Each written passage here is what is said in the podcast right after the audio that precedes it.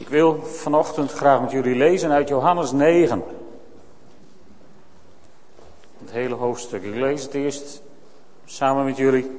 Daarna luisteren we naar een uh, heel mooi lied van Don Francisco, wat hij over dit lied heeft, over dit stuk heeft gemaakt. En dan willen we er samen een moment over nadenken. Johannes, hoofdstuk 9.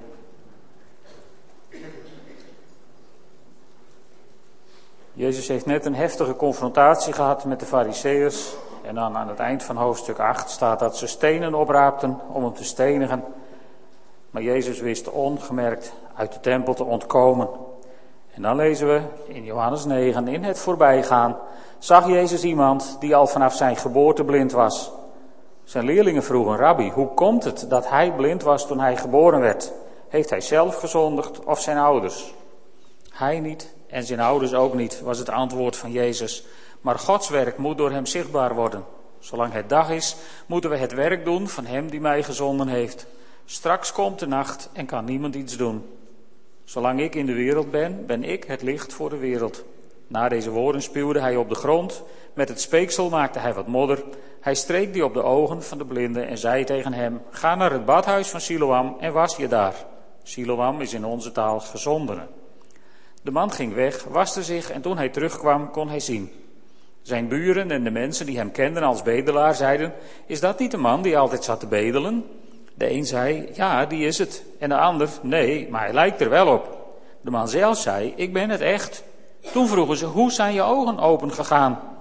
Hij zei: Iemand die Jezus heet maakte wat modder, streek die op mijn ogen en zei: Ga naar Siloam om u te wassen. Ik ging erheen en toen ik me gewassen had, kon ik zien. Ze vroegen, waar is die man? Dat weet ik niet, zei hij. Toen namen ze de man die blind geweest was mee naar de fariseeën. De dag dat Jezus modder gemaakt had en zijn ogen geopend had, was namelijk een Shabbat. Ook de fariseeën vroegen hoe het kwam dat hij kon zien. En weer vertelde hij, hij heeft wat modder op mijn ogen gedaan, ik heb me gewassen en nu kan ik zien. Sommige fariseeën meenden, zo iemand komt niet van God, want hij houdt zich niet aan de Shabbat. Maar anderen zeiden, hoe zou een zondig mens zulke wondertekenen kunnen doen? Er ontstond verdeeldheid. Daarop vroegen ze aan de blinde: Wat denk jij van die man? Het zijn immers jouw ogen die hij genezen heeft. Hij is een profeet, was zijn antwoord. Maar de Joden wilden niet geloven dat hij blind geweest was en nu kon zien.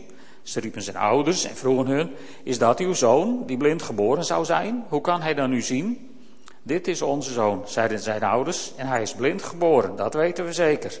Maar hoe hij nu kan zien, dat weten we niet. En wie zijn ogen geopend heeft, weten we ook niet. Vraag het hem zelf maar. Hij is oud genoeg om voor zichzelf te spreken.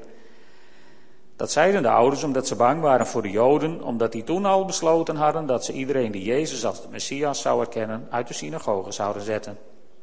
Daarom zeiden de ouders dus dat hij oud genoeg was en dat ze het hem zelf moesten vragen. Toen riepen ze de man die blind geweest was bij zich. Geef God de eer, zeiden ze. Die man is een zondaar, dat weten we toch? Of hij een zondaar is, weet ik niet, zei hij. Maar één ding weet ik wel: ik was blind en nu kan ik zien. Ze drongen aan. Wat heeft hij met je gedaan? Hoe heeft hij je ogen geopend? Dat heb ik u toch al verteld, zei hij, maar u luistert niet. Wat wilt u nog meer horen? Wilt u soms leerling van hem worden? Nu vielen ze tegen hem uit. Je bent zelf een leerling van hem. Wij zijn leerlingen van Mozes. Van Mozes weten we dat God met hem gesproken heeft, maar van deze man weten we niet waar hij vandaan komt. De man antwoordde, wat vreemd dat u dat niet begrijpt waar hij vandaan komt, terwijl hij mijn ogen geopend heeft. We weten dat God niet naar zondags luistert, maar wel naar iemand die vroom is en zijn wil doet. Dat de ogen van iemand die blind geboren is geopend worden, dat is nog nooit vertoond. Als die man niet van God kwam, zou hij dit toch niet hebben kunnen doen? Toen riepen ze, jij, sinds je geboorte een en al zonde, wil je ons de les lezen? En ze joegen hem weg. Toen Jezus hoorde dat, en zocht hem op. Hij vroeg, gelooft u in de mensenzoon? Als ik wist wie het was, heer, zou ik in hem geloven, zei hij. U kijkt naar hem en u spreekt met hem, zei Jezus. Toen zei de man, ik geloof, heer, en hij boog zich voor Jezus neer.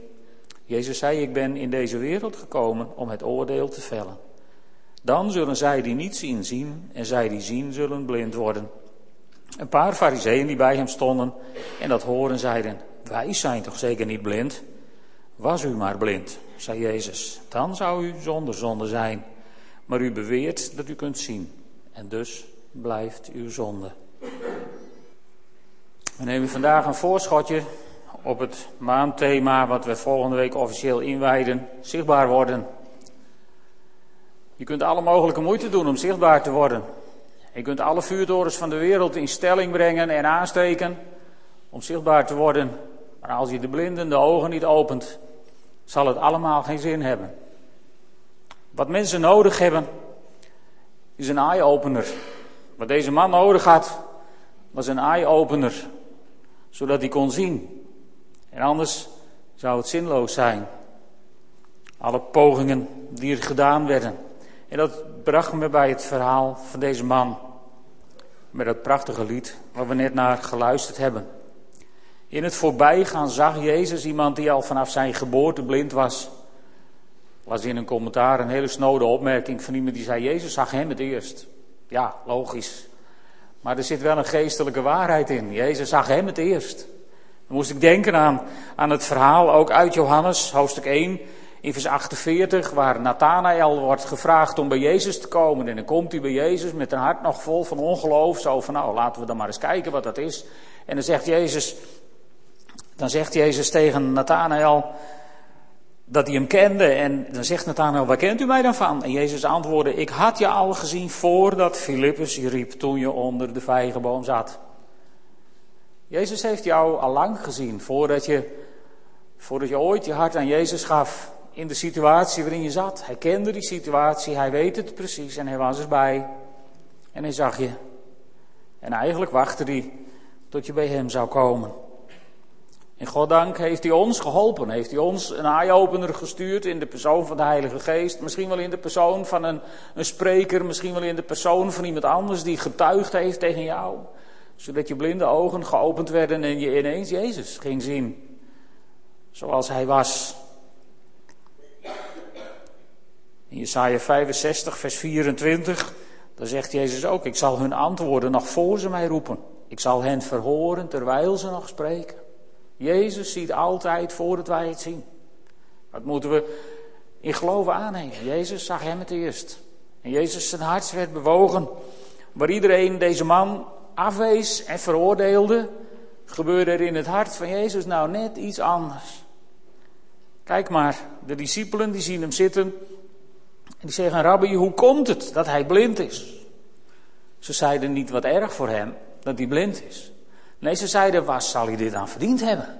Zo zijn we soms ook tegen onszelf. En we kunnen dat soms met een schijntje ironie, met een beetje, beetje, beetje kwinkslag, kunnen we onszelf in bepaalde situaties afvragen, waar heb ik dit aan verdiend? Maar er zit, er zit iets achter. Er zit een geest achter die, die ons, ons, ons wil aanpraten dat we afgewezen zijn en niet bijhoren. Net zo goed als deze man afgewezen was en er niet bij hoorde. Waar heeft hij dit aan verdiend? Ze lijken daarmee op de vrienden van Job. die terwijl Job zit zijn, zweren te krabben op, op de asbult met een scherf, komen zijn vrienden en die komen met hem discussiëren over de zonde die hij wel moet hebben begaan om zo zwaar door God gestraft te worden. En, en het Calvinisme heeft zijn uiterste best gedaan om die gedachte diep in onze genen te laten wortelen zodat we alsmaar terugkomen op die gedachte. Als zoiets je overkomt, dan moet je wel wat op je kerfstok hebben. Of je ouders en, en de fariseeërs die hadden de leer geïntroduceerd dat een foetus in de baarmoeder al keuzes kon maken die zo zondig waren dat God ze kon straffen voor de rest van hun leven. Ja, je moet toch wat om zo'n leer handen en voeten te geven. Hij werd afgewezen. Iedereen liep met een boog om hem heen. Als hij geluk had, gooiden ze hem een muntstukje toe. En verder moest je uit de buurt blijven. Ja, want zonde is besmettelijk. En daar moet je niet, uh, niet mee in aanraking komen. En Jezus doet het omgekeerde. Jezus die stopt en die raakt hem zelfs aan. Maar eerst even nog naar die vraag. Op die vraag krijgen de discipelen een heel mooi antwoord. Want Jezus zegt van, uh, Nee, Gods werk moet door hem zichtbaar worden. In de NBG-vertaling, daar staat eigenlijk van hij heeft dit omdat Gods werk in hem zichtbaar moest worden. In de Statenvertaling staat het nog veel erger. Daar staat, dit is hem, over, dit is hem geschied, opdat het werk van God in hem zichtbaar wordt. Daar ben je mooi klaar mee met zo'n God, die je blind geboren laat worden, om je dan dertig jaar later iemand te laten ontmoeten die zo nodig een wonder moet doen en je ogen opent. Dat kun je toch nauwelijks meer een zegen noemen in het leven van iemand. En toen ik dat zag, toen ben ik teruggegaan naar, naar de grondtekst. En in het Grieks staat dat stukje dit is geschied. Dat staat er niet. En als je dan de NBG openslaat, het woordje moet of moest, wat ook in de nieuwe Bijbelvertaling nog voorkomt, dat staat er ook niet.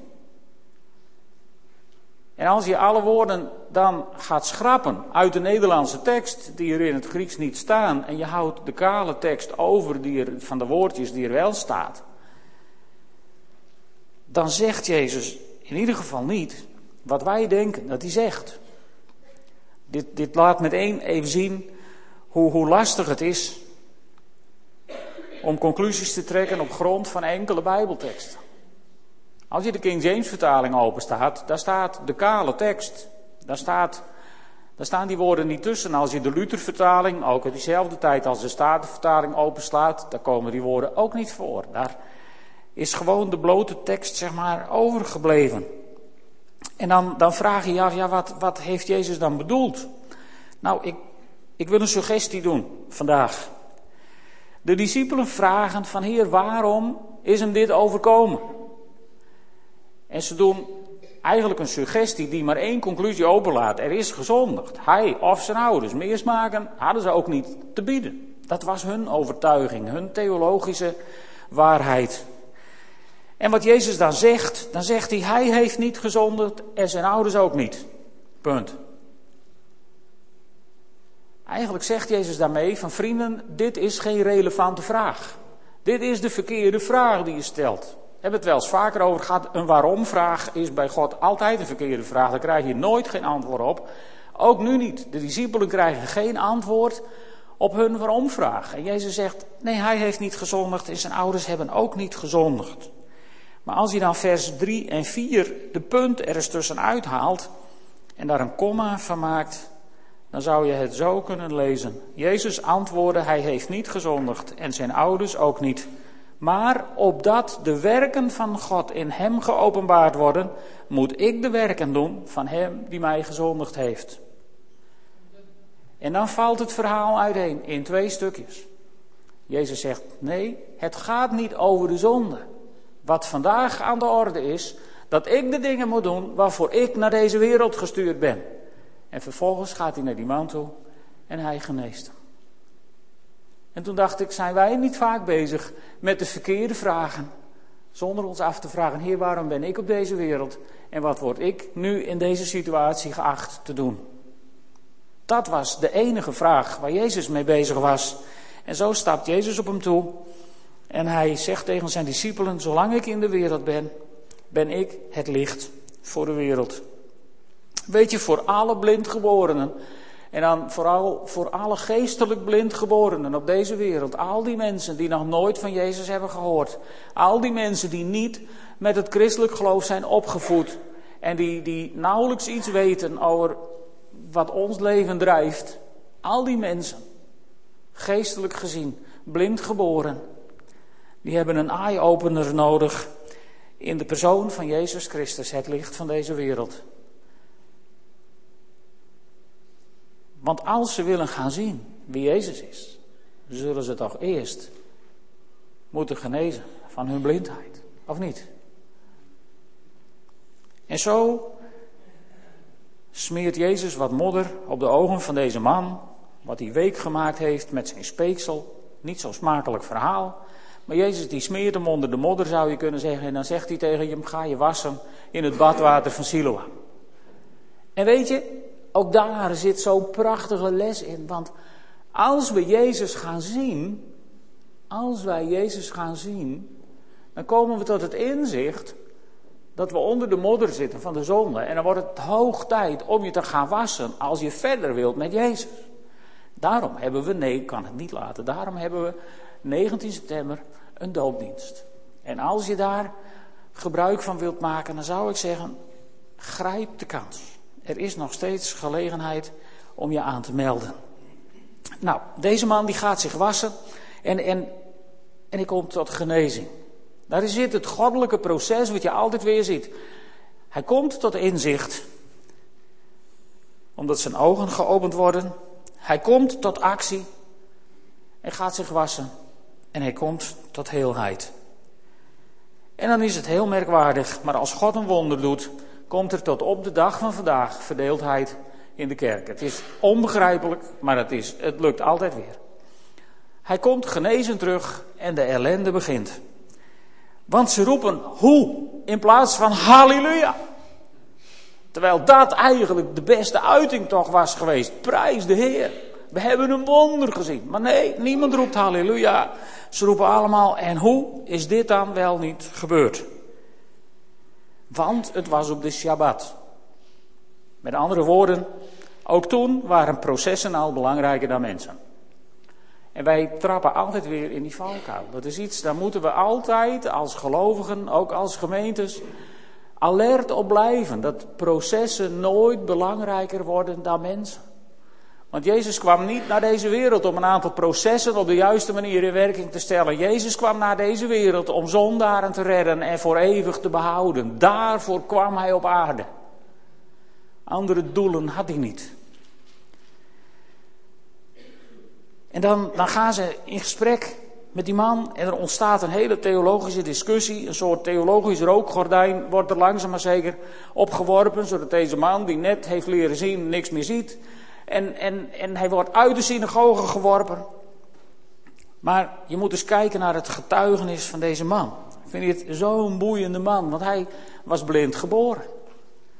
Dus met andere woorden, hij had niet gestudeerd. Niemand had hem leren lezen en schrijven. Maar ja, wat moet je met een blind geboren? Nou, daar kun je niks mee. Dus hem hadden ze bij de poort gepoot om dan maar te bedelen. Dus lezen kon hij niet. Schrijven kon hij ook niet. Maar dom was hij ook niet. Want hij heeft al heel gauw door dat die fariseeën die hem, hem van zijn lijf vragen niet naar hem luisteren.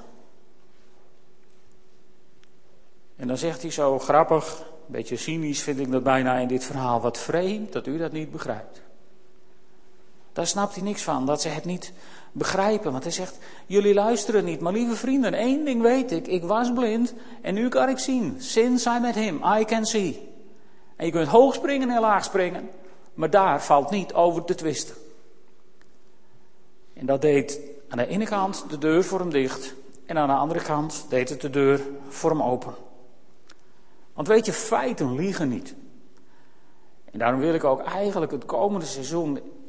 Ik, wil jullie aanmoedigen. Vandaag begin ik daar maar vast mee. Als wij het gaan hebben over zichtbaar worden, dan wil ik jullie getuigenissen horen. Dan wil ik jullie aanmoedigen om gewoon hier zichtbaar te maken wat Jezus in jouw leven doet. Niet, niet 25 jaar geleden. Die verhalen die heb ik genoeg gehoord. Nee, vorige week. Of vanochtend toen je wakker werd. Ik ben nieuwsgierig naar wat Jezus in jullie levens doet. Laten we elkaar bemoedigen met getuigenissen het komende seizoen, zodat dat zichtbaar wordt wat Jezus doet. In ons midden, op deze plaats, hier in Drachten. En er zijn mensen genoeg die er even naar willen luisteren. Hebben we gisteren gemerkt op de trefmarkt die, die door Gerard en nog een aantal mensen geweldig was georganiseerd. En wij, wij, ik heb daar heel veel gemeenteleden gezien. En, en niet alleen mensen die even langs struinden, maar bij allerhande standjes stonden mensen van onze gemeente. Dat ik dacht, wat geweldig, het koninkrijk leeft. Het koninkrijk leeft. Overal mensen die iets wilden vertellen over wat hun boeit en beheerst in het koninkrijk van God. En ik heb gemerkt, er waren zoveel mensen die best wel even wilden praten. Die best wel even naar je wilden luisteren. Het geloof in Smallingenland is nog lang niet dood. En laten we daar gebruik van maken door getuigenis te geven van wat God in onze levens doet. Mensen boeien, boeien door verhalen van de afgelopen week. En dan zullen er mensen luisteren. En er zullen ook mensen zijn van wie jij ook denkt: van ja, wie luistert niet? Vreemd dat je het niet begrijpt. Nee, want er zijn meer mensen blind geboren dan je denkt. Vreemd dat u het niet begrijpt. Weet je, als die man dat zegt tegen die fariseeën, dan is het zo helder, want niet begrijpen en niet luisteren, dat heb je met vooringenomenheid. Misschien een lelijk woord, ik bedoel het niet zo, maar, maar traditie brengt je heel gauw, als je niet oppast, tot een soort vooringenomenheid. Van zo zit het, zoals ik het zie. Dat is de waarheid. En als je dan naar het derde en vierde vers van dit Bijbelverhaal kijkt, dan zie je van ja, welke Bijbelvertaling zit je dan te lezen en hoe interpreteer je dat dan? Laten we daar voorzichtig mee worden. En oppassen dat we niet net zo worden als de Fariseërs. Weet je, in het verhaal hiervoor, in Johannes 8, daar brengen ze een vrouw bij Jezus die op overspel is betrapt. En nou heeft mijn biologische kennis mij geleerd dat dat een spel is voor twee personen. En als hij die op heterdaad betrapt, dan breng je twee personen bij de fariseeën, niet één. Maar goed, dat is een heel ander verhaal. Ze brengen die vrouw bij Jezus. En dan, dan zegt Jezus iets en dat is omgekeerd dan wat er vaak in mijn hart was. Stel je voor, ze brengen hier iemand die op overspel is betrapt en die wil Christus leren kennen. Hoe pakken we dat aan? Ik denk, maar goed, ik praat even voor mezelf. Toen ik het me voorstelde, toen, toen God me dwong om, om daarover na te denken, toen, toen realiseer ik me dat eigenlijk de gewoonte bijna is om dan tegen iemand te zeggen: Nou, weet je wat, als je nou niet meer zondigt, veroordelen we je niet. En dat lijkt heel veel op wat Jezus deed. Het is een subtiel verschil. Want wat deed Jezus? Jezus die zei: Ja, weet je wat, ik veroordeel je niet. Maar zondig nou niet meer. En weet je wat er gebeurt? Als wij zouden zeggen tegen iemand: van nou weet je wat, als je nou niet meer zondigt, veroordeel ik je niet. Dan horen ze dat laatste niet meer. Want omdat we beginnen met de zonde, gaan alle luiken dicht, want iedereen voelt zich veroordeeld en wil niet meer naar je luisteren. En je kunt de genade niet kwijt. En wat Jezus deed, dat was ook zo'n eye-opener, zo'n hartopener, door te zeggen, nou weet je wat, ik veroordeel je niet. En daardoor voelden ze zich ineens geaccepteerd door die man uit Nazareth. En was ze bereid om naar hem te luisteren. En toen hij zei, zondag nou niet meer. Toen wist ze wat haar te doen stond. Wat een eye-opener was dat voor mij.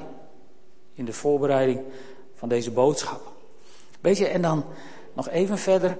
Dan, dan zeggen de fariseeën tegen die man, je wilt ons de les lezen. En dan, nou ja, in ieder geval een heel gedoe. En uh, dan zeggen ze ergens, waar heb ik hem in vers 28? Dat ze tegen hem uitvallen en zeggen: Jij bent een leerling van hem. Nou, dat is een groot compliment, maar zij bedoelden het anders. Je bent een leerling van hem. Wij zijn leerlingen van Mozes. Met andere woorden, zij zeiden: Wij zijn onder de wet. En tegen hem zeiden ze: En jij bent een leerling van Jezus. Met andere woorden, jij bent in de geest. Dat snapten ze toen nog niet, het was nog geen Pinkster geweest, maar even vooruitlopend daarop. Wat zijn wij vaak in de wet? Wat zijn wij vaak in de wet? Ik weet niet of het jullie wel eens opvallen, maar onze eerste neiging is om in de wet te vallen. Want dan is het zo simpel. Dan is hij, de antwoorden zijn helder en duidelijk en rechtlijnig, recht voor zijn raap, hoef je niet na te denken. En als je in de geest bent, dan gebeuren er andere dingen. Maar weet je, als je in de wet blijft, dan ben je niet in staat om het beloofde land wat God voor jouw leven heeft binnen te gaan. De fariseeën zeggen, en wij zijn van Mozes. Maar toen Jozua opdracht kreeg om het volk het beloofde land binnen te gaan, toen was het allereerste wat God tegen hem zei, beste Jozua, Mozes is dood. En dat moest. Want Mozes was een vakman, Mozes was een groot profeet.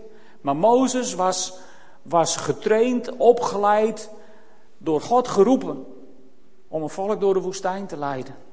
En toen de woestijntijd voorbij was, was de tijd van Mozes over. Toen was het tijd voor een Jozua, een Yeshua. Hij had dezelfde naam als Jezus. Het valt in onze Bijbel niet zo op, maar ze hadden dezelfde naam. En nu de tijd van Jezus al lang is aangebroken, zou de tijd van Mozes, de tijd van wetticisme, de tijd van oordeel in ons leven voorbij moeten zijn.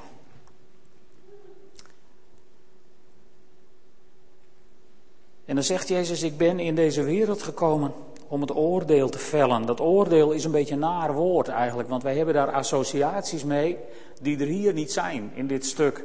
Want wat komt Jezus doen? Jezus komt als eye-opener naar deze wereld. Jezus zegt, ik ben in deze wereld gekomen als het licht van de wereld. En wat gebeurt er als het licht aangaat? Dan ga je zien. Dan ga je zien. En dan wordt het duidelijk, dan komt er onderscheid. En zo maakt Jezus in die laatste paar versen, in dat gesprekje met die fariseeërs, maakt hij onderscheid tussen de zienden en de blinden. Tussen de schapen en de bokken. En door Jezus wordt op die manier zichtbaar waar je staat. Jezus trok geen theologisch rookgordijn op. Hij kwam als eye-opener naar deze wereld om de ogen van de blinden te openen, om blinden het zicht te geven. Staat in Jesaja.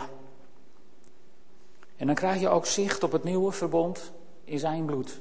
Het oude verbond. Mozes is dood. Het oude verbond van de woestijn is voorbij.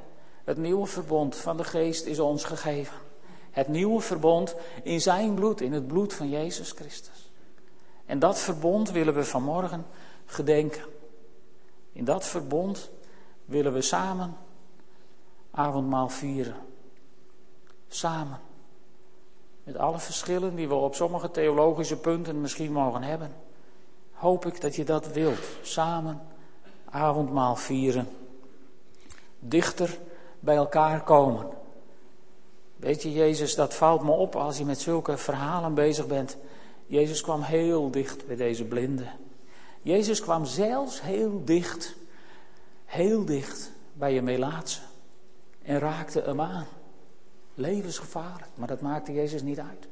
Jezus kwam zelfs heel dicht bij een tollenaar. En nam hem op in zijn gevolg. Jezus kwam zelfs, het werd nog veel erger, Jezus kwam zelfs heel dicht bij een Samaritaanse vrouw. Bij een heiden. En hij maakte een praatje met haar bij de put. Waardoor een hele stad de ogen geopend werden. Jezus was bereid om heel dicht bij de mensen te komen. Ik veroordeel je niet, maar zondag nou niet meer. Jezus kwam om ogen te openen, mogen onze ogen geopend zijn voor die grenzeloze genade van Jezus Christus. Zullen we samen een moment bidden? Willen jullie opstaan als het kan? Lieve Vader in de hemel, wat bent u oneindig goed. Heer, alleen al het feit dat u mij hebt aangenomen, zegt iets over uw grenzeloze goedheid. Over uw eindeloze genade. En ik bid u, Heere God, wilt u van ons een volk van eye-openers maken. Wilt u ons helpen, Heer, om waar we andersdenkenden tegenkomen, Mensen die Jezus Christus niet erkennen, omdat ze Hem niet kennen, of het nog niet willen en nog niet aan toe zijn. Heere God, leer ons om ze lief te hebben met het hart van U, zonder ze te veroordelen. Help ons, Heer, om zo ogenzalf te zijn voor de blinden om ons heen. Opdat ze mogen zien, Heer. Opdat ze mogen zien. En als ze dan zien, Lieve God, help ons dan om zo zichtbaar te worden dat we aangenaam zijn in hun ogen. Heer, dat als ze ons zien, dat er een verlangen in hen ontstaat om U te leren kennen. Heer, als we daarin gefaald hebben, in de jaren die achter ons liggen, vergeef het ons. En help ons, Heer, om, om het beter te doen. Ongeacht wat voor mensen het zijn. Hoe ze in het leven staan. Wat ze op hun kerfstok hebben. Geef ons uw hart, Heer. Geef ons uw hart. Opdat wij openers mogen zijn in deze wereld. Dat bid ik van u. In de naam van Jezus Christus. Ik wil u ook zo bidden op dit moment, Heer, om uw zegen. over het brood en over de wijn, als we avondmaal mogen vieren samen. Heer, ik zegen het brood en ik zegen de wijn. In de naam van de Vader, in de naam van de Zoon, in de naam van de Heilige Geest. En wilt u tot onze harten spreken? Heer, wilt u de handen zegenen van hen die deze morgen bidden met mensen? Wilt u ook deze morgen in ons midden zijn als onze geneesheer, als onze redder, als onze bevrijder? Dat bid ik van u in Jezus' naam. Amen.